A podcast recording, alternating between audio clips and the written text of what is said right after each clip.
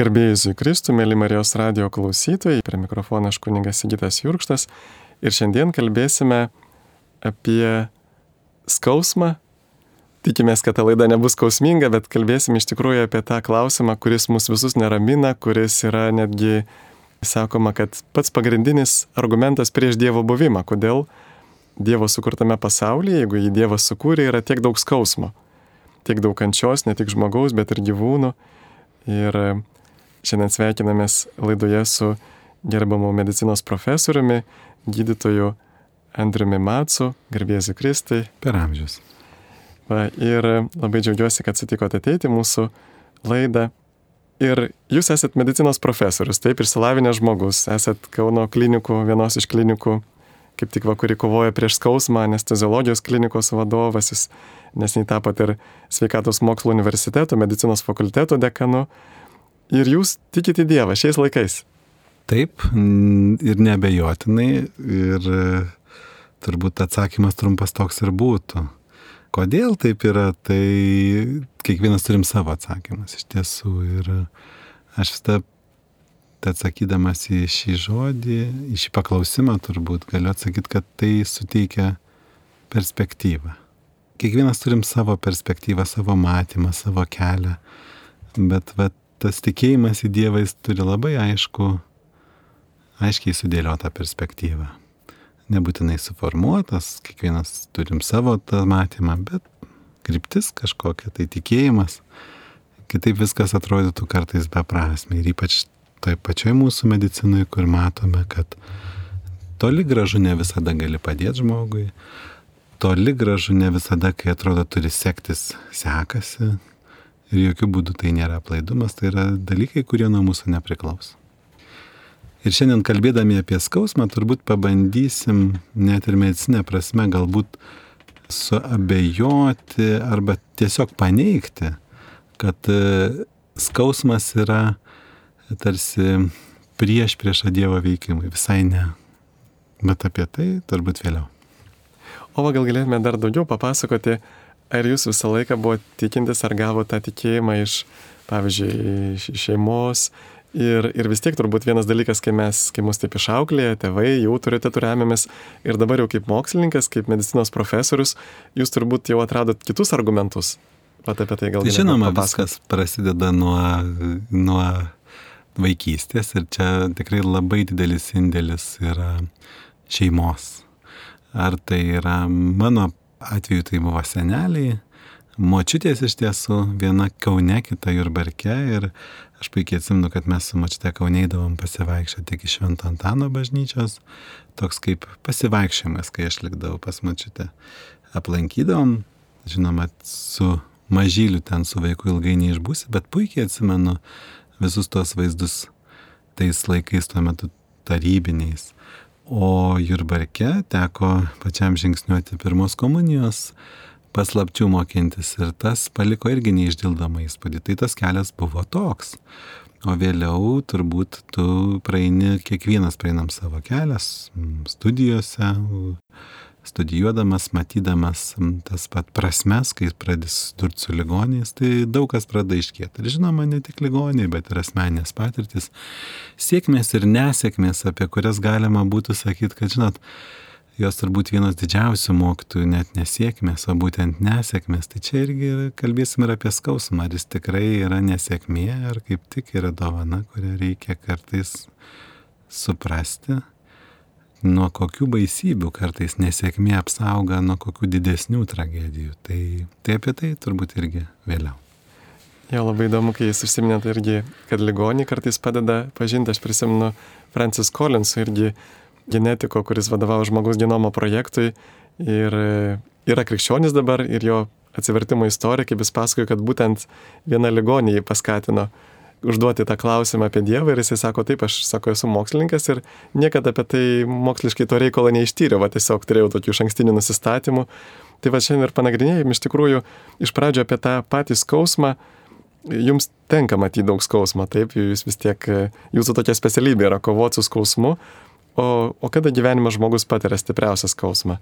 Tai iš tiesų anesteziologas reanimatologas, jisai kovoja visų pirma su ūminiu skausmu. Ir ūminis skausmas yra tas simptomas bendrai, kuris tinkamai valdomas, leidžia nenukeliauti skausmą iki lėtinio skausmo.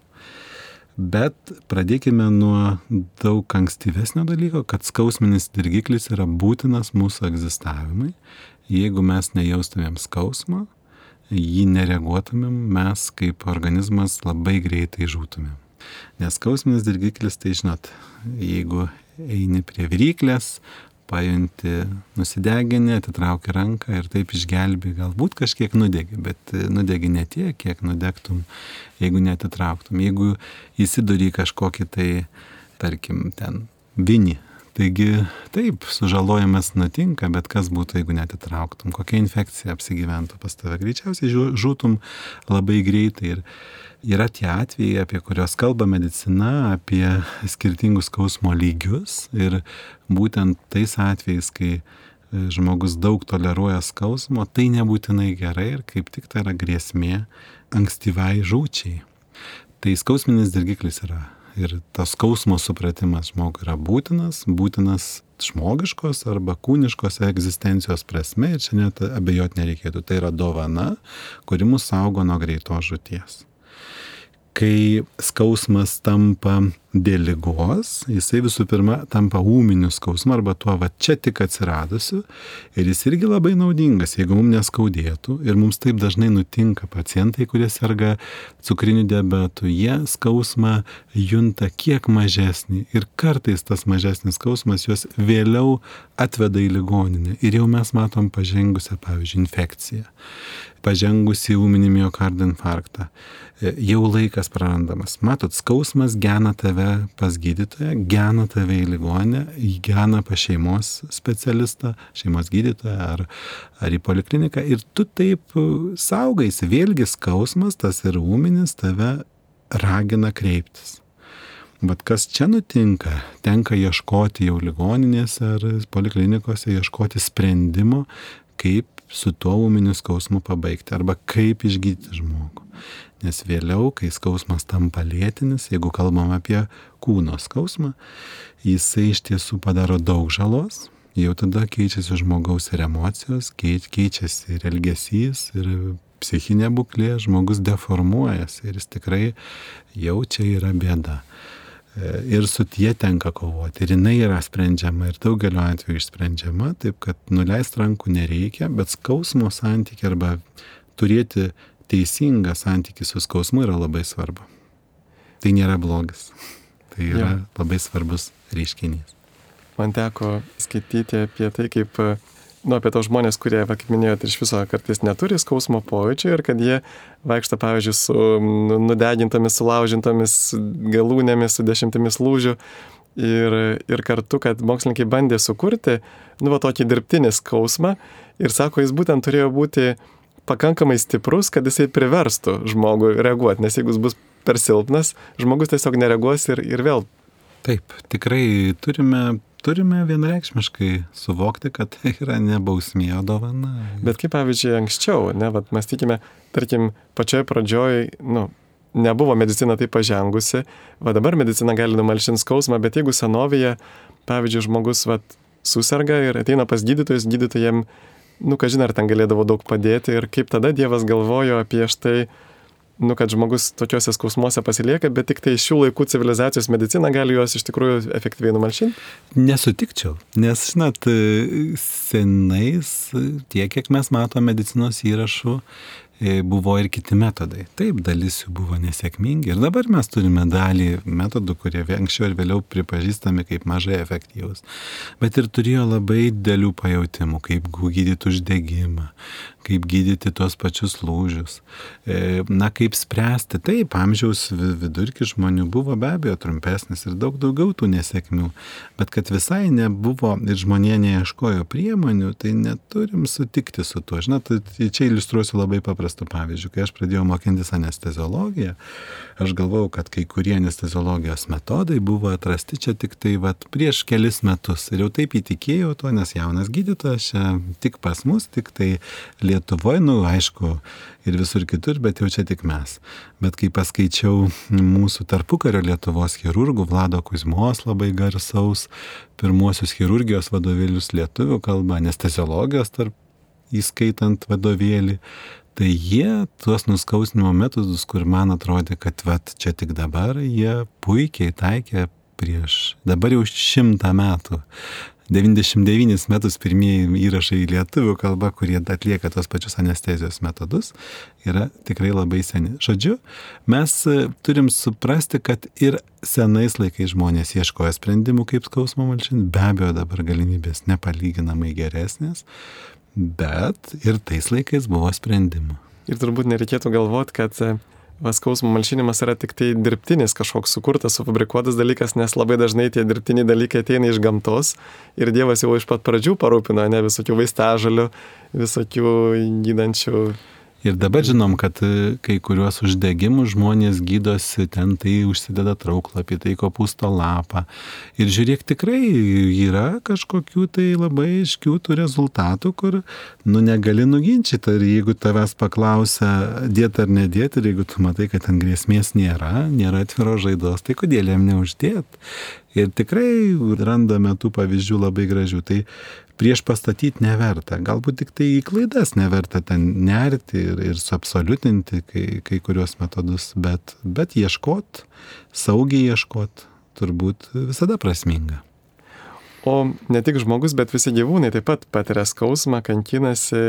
Pavyzdžiui, vilkas ten sudraus kavinėlį, kad, kad jie vadinasi, nemačiau, pagavo pelį ir žaidžia su jau, ta vargšė jau visiškam strese. Va kaip čia, kaip tas gyvūnų skausmas, gyvūnų Čia galbūt. Ne. Taip, jie irgi labai skiriasi įvairių gyvūnų, e, turbūt tarp įvairių gyvūnų ir čia jau reiktų ne gydytojų klausti ne medikų, ne e, žmogaus sveikatos specialistų, bet vėlgi biologų studijos ir tyrimai daromi ir, ir labai vertingi. Tikrai jie ne tik tai, kad vėliau žmogų pažinti, bet ir pažinti gyvūnijos pasaulį. Tai abejonių nėra, kad e, skausminio dirgiklio supratimas e, egzistuoja. Tik tai irgi labai skirtingas. Matome gyvūnus ten roplius, kurie gali kautis be pusės organizmo ir toliau regeneruoti. Kokį driežą su be uodegos ar ne? Ir, ir tai net yra metodas išsis, išsigelbėti. E, ar, ar tarkim, gyvatę, kuri, kuri atrodo jau turėtų būti e, nebegyva po, po tokių sužalojimų ir nieko panašaus, e, kai kautynės vyksta tarp dviejų roplių. Tai labai skirtingi, žinot, mes keliaujam toliau nuo roplių, gal keliaujam prie žinduolių, ten, ja, kaip be pavadinsi, į, į prie įvair, įvairių pasauliu, turbūt galiu sakyti taip supaprastinant, ne biologiniu terminu, bet e, skausminio dirgiklio e, ir skausmos lenkščiai skiriasi labai daug dalykų. Mes, kai kalbam apie žmogų, galim čia šiek tiek pasimatuoti ir tai esam skirtingi. O čia tarp rūšiniai dalykai, kurie turbūt labai skirtingi. Ir vėlgi, aš siūlyčiau, aš taip kviečiau, gyvūnijos pasaulis turi savo taisyklės. Ir jeigu tikim, kad Dievas jiems numatė, tai ir tas santykis su tuo su tuo skausmu turbūt yra taip, kaip numatytas. Aš va to tikiu. Nu, nėra taip, kad jis būtų kažkoks neadekvatus, va čia žmogum rūpinasi, o ten jau kaip bus. Nemanau, manau, kad irgi yra. Ir jeigu jau tenka tam žūvančiam gyvūnėliui žūti kažkokio tai stipresnio gyvūno, na, glėbyje ar nasruose, tai taip Dievas numatęs yra tame pasaulyje ir neaišku, kokie ten tada slengščiai sudirba ir kokios perspektyvos bet, bet aš tikiu, kad tai yra surėdyta ir dėl to yra kažkaip ramu. Vat kad žmogus netaptų kažkokiu tai patyčiu iš gyvūnų, tai čia turbūt irgi nediskutuojam, e, netaptų tuo, tuo grobuoniu, kuris beprasmiai naikina gyvūnyje. Jeigu tai yra būtinybė tikrai žmonėms išgyventi, maitintis, tai yra visai kiti dalykai. Bet jeigu tai būtų tik tai patyčiai iš pasaulio, tvarkos, tai būtų nesveika. Vadinasi, nebūtų geriau, jeigu skausmo nebūtų, ar ne, arba jeigu jis būtų silpnesnis. Tai. Tikrai ten lygiai taip pat, žiūrėkit, ar šuniukas atitraukia lėtenėlę, ar jisai ją saugo, po to negali priminti, tai reiškia, ir gyvūnų pasaulyje skausmas yra reikalingas, kad galėtum gyventi.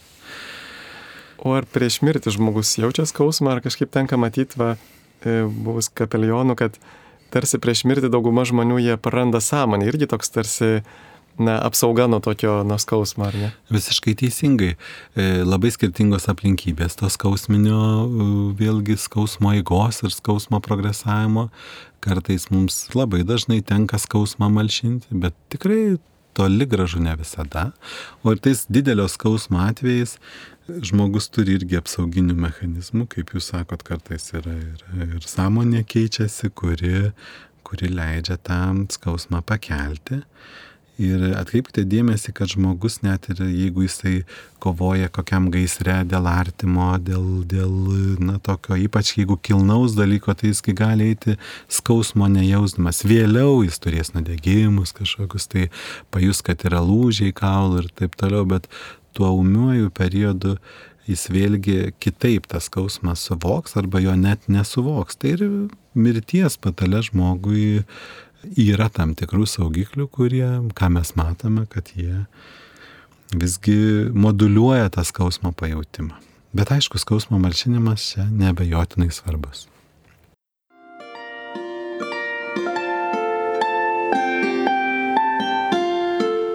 Jūs girdite Marijos radiją.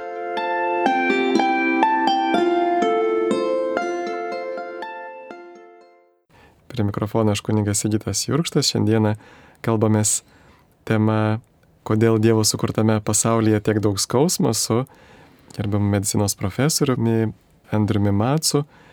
Ir visgi turbūt daugeliu štai šitas klausimas irgi kirba, kad, na taip, ten dėl nuo nudegimų skausmas apsaugo, nuo lūžių ir taip toliau, bet, bet kai žmogus susirga nepagydoma lyga, ir vis tiek jisai nieko nebegali padaryti. Medicina nieko nebegali padaryti ir jis baisiuose kančiuose. Ir kokia tada nauda iš skausmo? Ir, ir, ir kaip tada, ką mes galėtume daryti, ar, ar tik tai tie, kurie, kaip sakyti, yra turtingi, gali savo leisti brangius vaistus, va tik tai tie yra apsaugoti nuo skausmo, o paprasti žmonės tada turi kentėti baisės kančias, ar tai yra teisinga?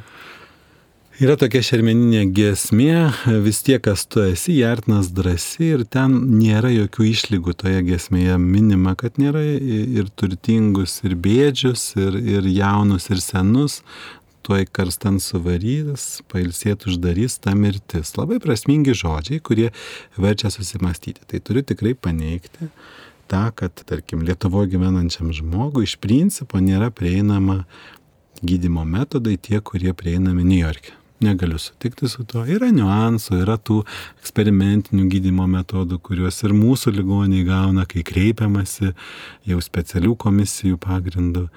Tai be abejo yra ir to galbūt kai kur uždėlsimo dar, dar nesame tobuli ir niekad nebūsime tobuli. Bet iš principo turime suvokti, kad skausmas tos, tarkim, nepagydamos lygos, jeigu nieko nebūtų, gauni diagnozę, esi nepagydomos lygos. Nu ir ką, tau neįskauda, nepatiri, nu gal kažkiek vaikščioti negali. Nu, kad tarkim, sutarkim, ne, nes jų labai įvairių nepagydomų lygų. Apriboja, bet tu prie to priprastum. Ta nepagydama lyga vėlgi yra tam tikras, aš tai tai vertinu, kad tai iš bėdos tampa dovana. Tu pradedi suvokti daug geriau ribas, daug geriau, žinot, tą save koordinačių sistemoje kur tu esi ir kokia tavo perspektyva.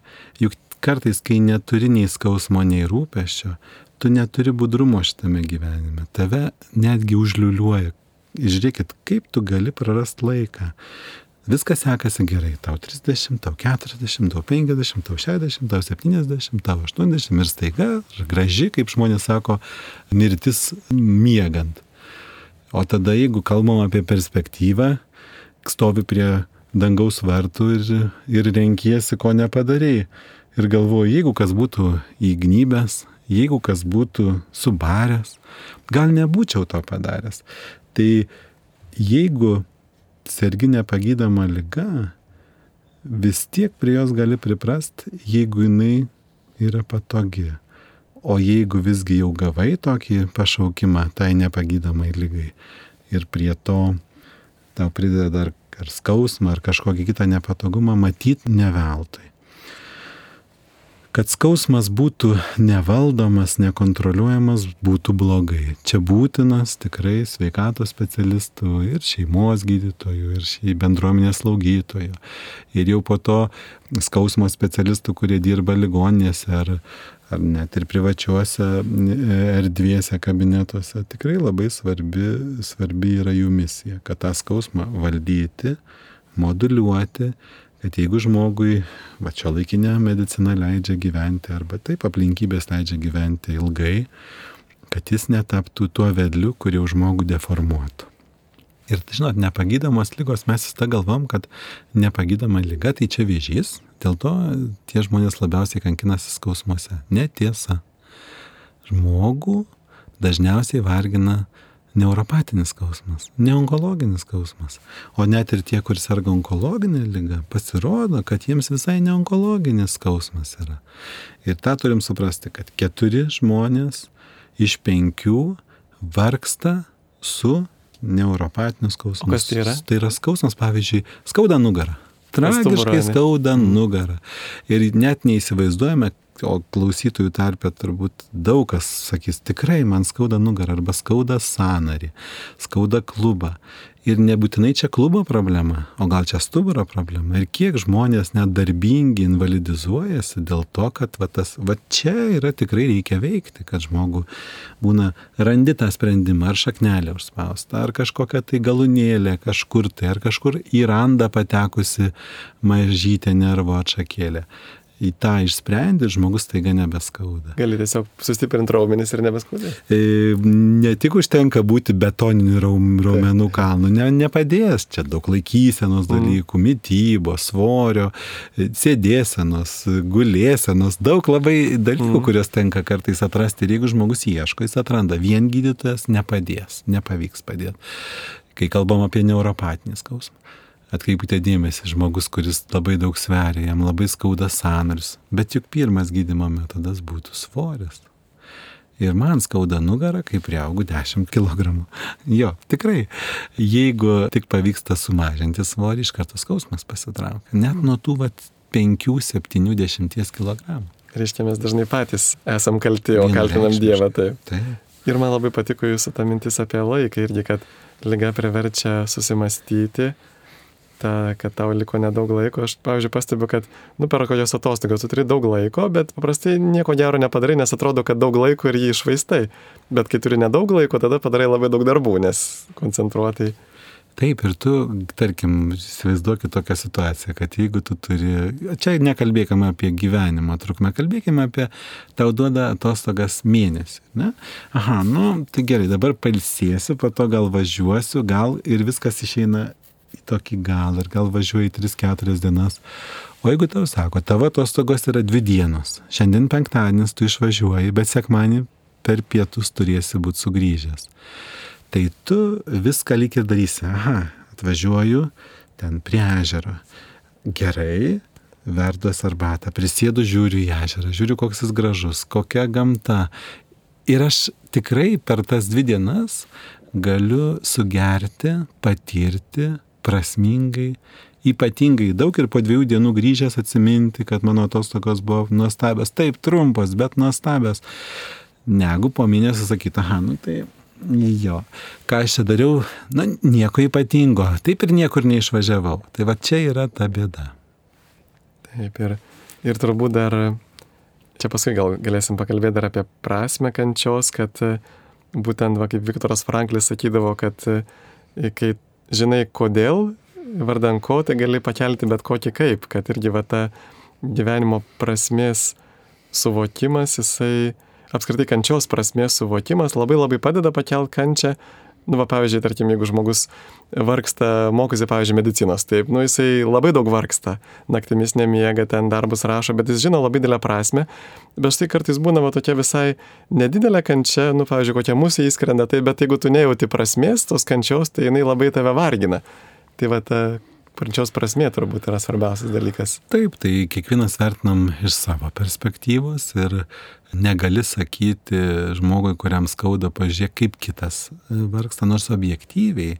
Tai būtų labai sveika pasižiūrėti, kaip tau šiandien skauda ir labai skauda, bet tu turi kreuklę, tu turi tualetą, tu turi valgyti, tu turi artimųjų, kam gali paskambinti. Gal neturi artimųjų, bet turi gydytoją.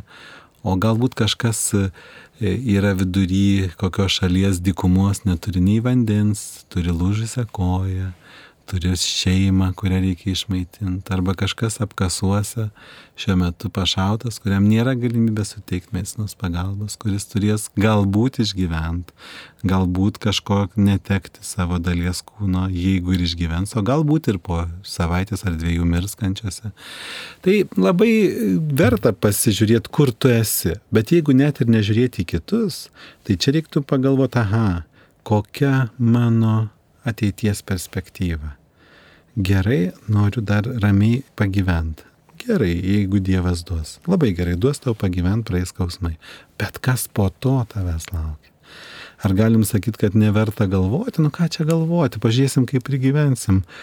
O aš tai manau, kad labai verta pagalvoti. Šiandien, kai tau yra 15, bet dar galbūt net negali suprast, man 47, aš jau labai suprantu, kad Dievas nėra niekam pažadėjęs kažkokiu tai 80 metų, 70, nieko nėra pažadėjęs. Gali būti, kad pakvies šiandien, rytoj ar po savaitės ir niekam negalėsi pasiskūsti. Taip numatyta. Kam daug duoti, iš to bus daug pareikalauta. Na, tai turbūt taip, taip, kad reikia galvot, ką ten prie dangaus vartų sakysim ir aiškinsimės, kodėl taip arba ne. Ir turbūt irgi, kad tai yra Dievo išmintis, kada žmogus gali prieš mirtį pasiruošti, kada, nu, va, ta mirtis nevyksta staigiai, bet, bet kada jis gali tie skausmai, tas susilpnėjimas, juk vis tiek tikslas yra amžinasis gyvenimas, jeigu žiūrint tikėjimo žvilgsniu, ir šitas gyvenimas yra kaip pasiruošimas, ir, ir jeigu aš taip pat, net, nu, kaip tik ta lyga ir paguldo mane į tokį pasiruošimą, paskatina net pamastyti, net daugelis žmonių atranda Dievą būtent per kančią. Tai turbūt e, turim taip tokiais šio laikiniais terminais e, sakyti, kad, žinot, gauni elektroninių laiškų ir gauni labai daug. Ir nežinai, ko čia griebti, ką čia atsakyti. Ir būna kažkokį tai turi rūpestį, tai atsakai tai, kas yra būtiniausia. O tos visus laiškus mes juos kartais vadinam spamu. Tai va tą spamą tu jau nebežiūri. Jau kartais mums kompiuteris atrenka e, elektroninio pašto sistemos, kad ne to spamo nukreiptų, bet čia realiai skausmas arba kažkoks rūpestis jis tau atmeta viską, kas yra bereikalinga. Tu įgyji galimybę tikram santykiui ir prioritetams susidėlioti. Galbūt e, pradžiai gydyti skausmą ir jį visai kaip kovoti su lyga, kas yra tikrai teisinga ir būtina, bet e, esant tam tikriems, na, neišvengiamim dalykam susidėlioti, kas tavęs laukia. Žinot, aš tikrai žinau tų gražių pavyzdžių, kai žmonės susirga lyga.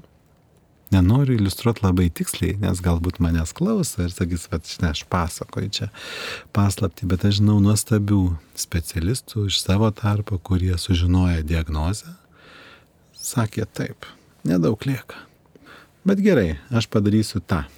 Man gal ten metų daug, bet aš išmoksiu vairuoti. Gausiu teisės, išmoko.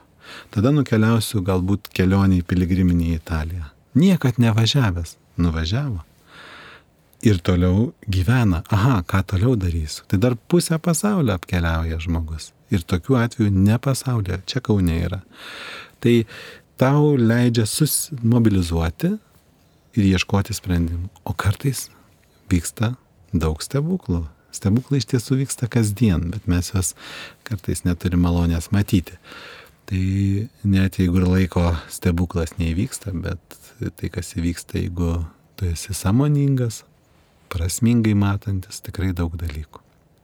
O net jeigu ir skausmo tu varginamas, tarkim, taip ir neišėjęs dalies to skausmo suvaldyti, tai tokiu atveju aš manau, kad turėsi albi prie dangaus vartų, sakys, žiūrėk, nu labai skaudėjo, tai negalėjau sutvarkyti, ar ką jau čia tokie visi. Negalėjau maloniai bendrauti. Tai. Taip, nu negalėjau, nu matai Dievę, matai, kad negalėjau, tai va, tai taip turėtų būti. Ir čia tikrai kaip paminėjote apie tą, kad atrandi, kas yra svarbiausia. Labai daug žmonių irgi liūdė kažkokiuose tyrimuose, jau gyvenimo pabaigoje, ką jie būtų keitę kitaip, tai absoliučiai dauguma sakė, kad būtų pakeitę tai, kad e, darbui nebūtų skyrę pirmos vietos, bet pirmą vietą būtų skyrę santykiams su žmonėmis. Tikrai taip. Tam, kad pamatyt, tam, kad pasikalbėt, tam, kad prisėst ir pasėdėt, mesgi neturim laiko neturim laiko arbatą, ypač dabar, ar ne? Mes galvom, kad rytoj mamą aplankysim, po rytą aplankysim kažką kitą, gal nuvažiuosim paspaust ranką, o po to jau taip ir taip nutinka, kad, na va, planavau, planavau, bet aha. Taip, tu turi dirbti kasdienius darbus ir negali vien tik tai su visais keliauti atsisveikinimo keliu, bet, bet net ir būdamas visiškai sveikas, tai turbūt to labiau, bet visgi tas dėmesys, nu, jis turi ištikti ir turime skirti tą dėmesį būtinai. Ir va čia dargi paminėjote apie tą mobilizavimą. Man atrodo, jūs gal kaip, kaip gydytojas labiau galėsit paaiškinti, man atrodo, jis yra labai geras palyginimas apie fermentus, kad fermentas yra kaip katalizatorius, taip, kuris pagreitina reakciją. Ir turbūt žiūrint į mūsų pasaulį, pavyzdžiui, kodėl kartais Dievas leidžia tam tikrą kančią, išbandymus, nu jie veikia kaip tam tikri katalizatoriai, kurie pagreitina mūsų kelią link šventumo, va kaip šventoji Faustina irgi pasakojo, kad sako, kai aš mačiau tokią viziją, kad va, Dievas man yra paruošęs sostą, į kurį aš galiu atsisėsti ir nu, kad tapsiu šventąją. Ir kai tik pradėjau eiti link tenai, žmonės pradėjo mane mėtyti visokiais ten supuvusiais kiaušiniais viską. Ir aš tada dar daug greičiau nuėjau ten ir paskui ant jų nepykau, nes jie man padėjo daug greičiau atsisėsti tą sostą. Na va, tai toks pavyzdys. Turbūt vėlgi krikščionio gyvenime, žinot, kai esi pradedantysis, tai pradedantysis tą kelią, tai tokių gražių patirčių gauni šviesių, o kai eini gilin, tai kelias link Dievo, nu, nelengvėja, turim pripažinti, ar ne, ir apie tai kalba ir garsus bažnyčios mokytojai ir mystikai, kad yra tas tamsios tikėjimo naktis, kai atrodo viską darai, o vilties nėra, bet tai nebūtinai, žinot, ta, ta tamsiausia naktis yra prieš aušą. Tai ir skausmo prasme, tikrai būtina skausmą malšinti, būtina su juo mediciniškai kovoti, būtina, kad jis ūminis būdamas netaptų lėtiniu, bet, bet jį vertinti kaip kažkokią Dievo bausmę, na visiškai neteisinga. Mano pamatymu tai yra dovana, kuri, jeigu jau sėki tokią dovaną gavai, geriau gal negauti tokių dovanų, bet jeigu jau sėki gavai, tai tenka su ją, joje labai paieškoti kodėl. Ir turbūt va, tas daro mus panašius į Jėzų, bet kartai žmonės sako, nu va čia Dievas mane nubaudė, bet juk Jėzaus nenubaudė tėvas už nuodėmės, jeigu jis neturėjo nuodėmių. Ir, ir čia turbūt yra tas didžiausias Dievo atsakymas į kančios klausimą - Jėzus Kristus.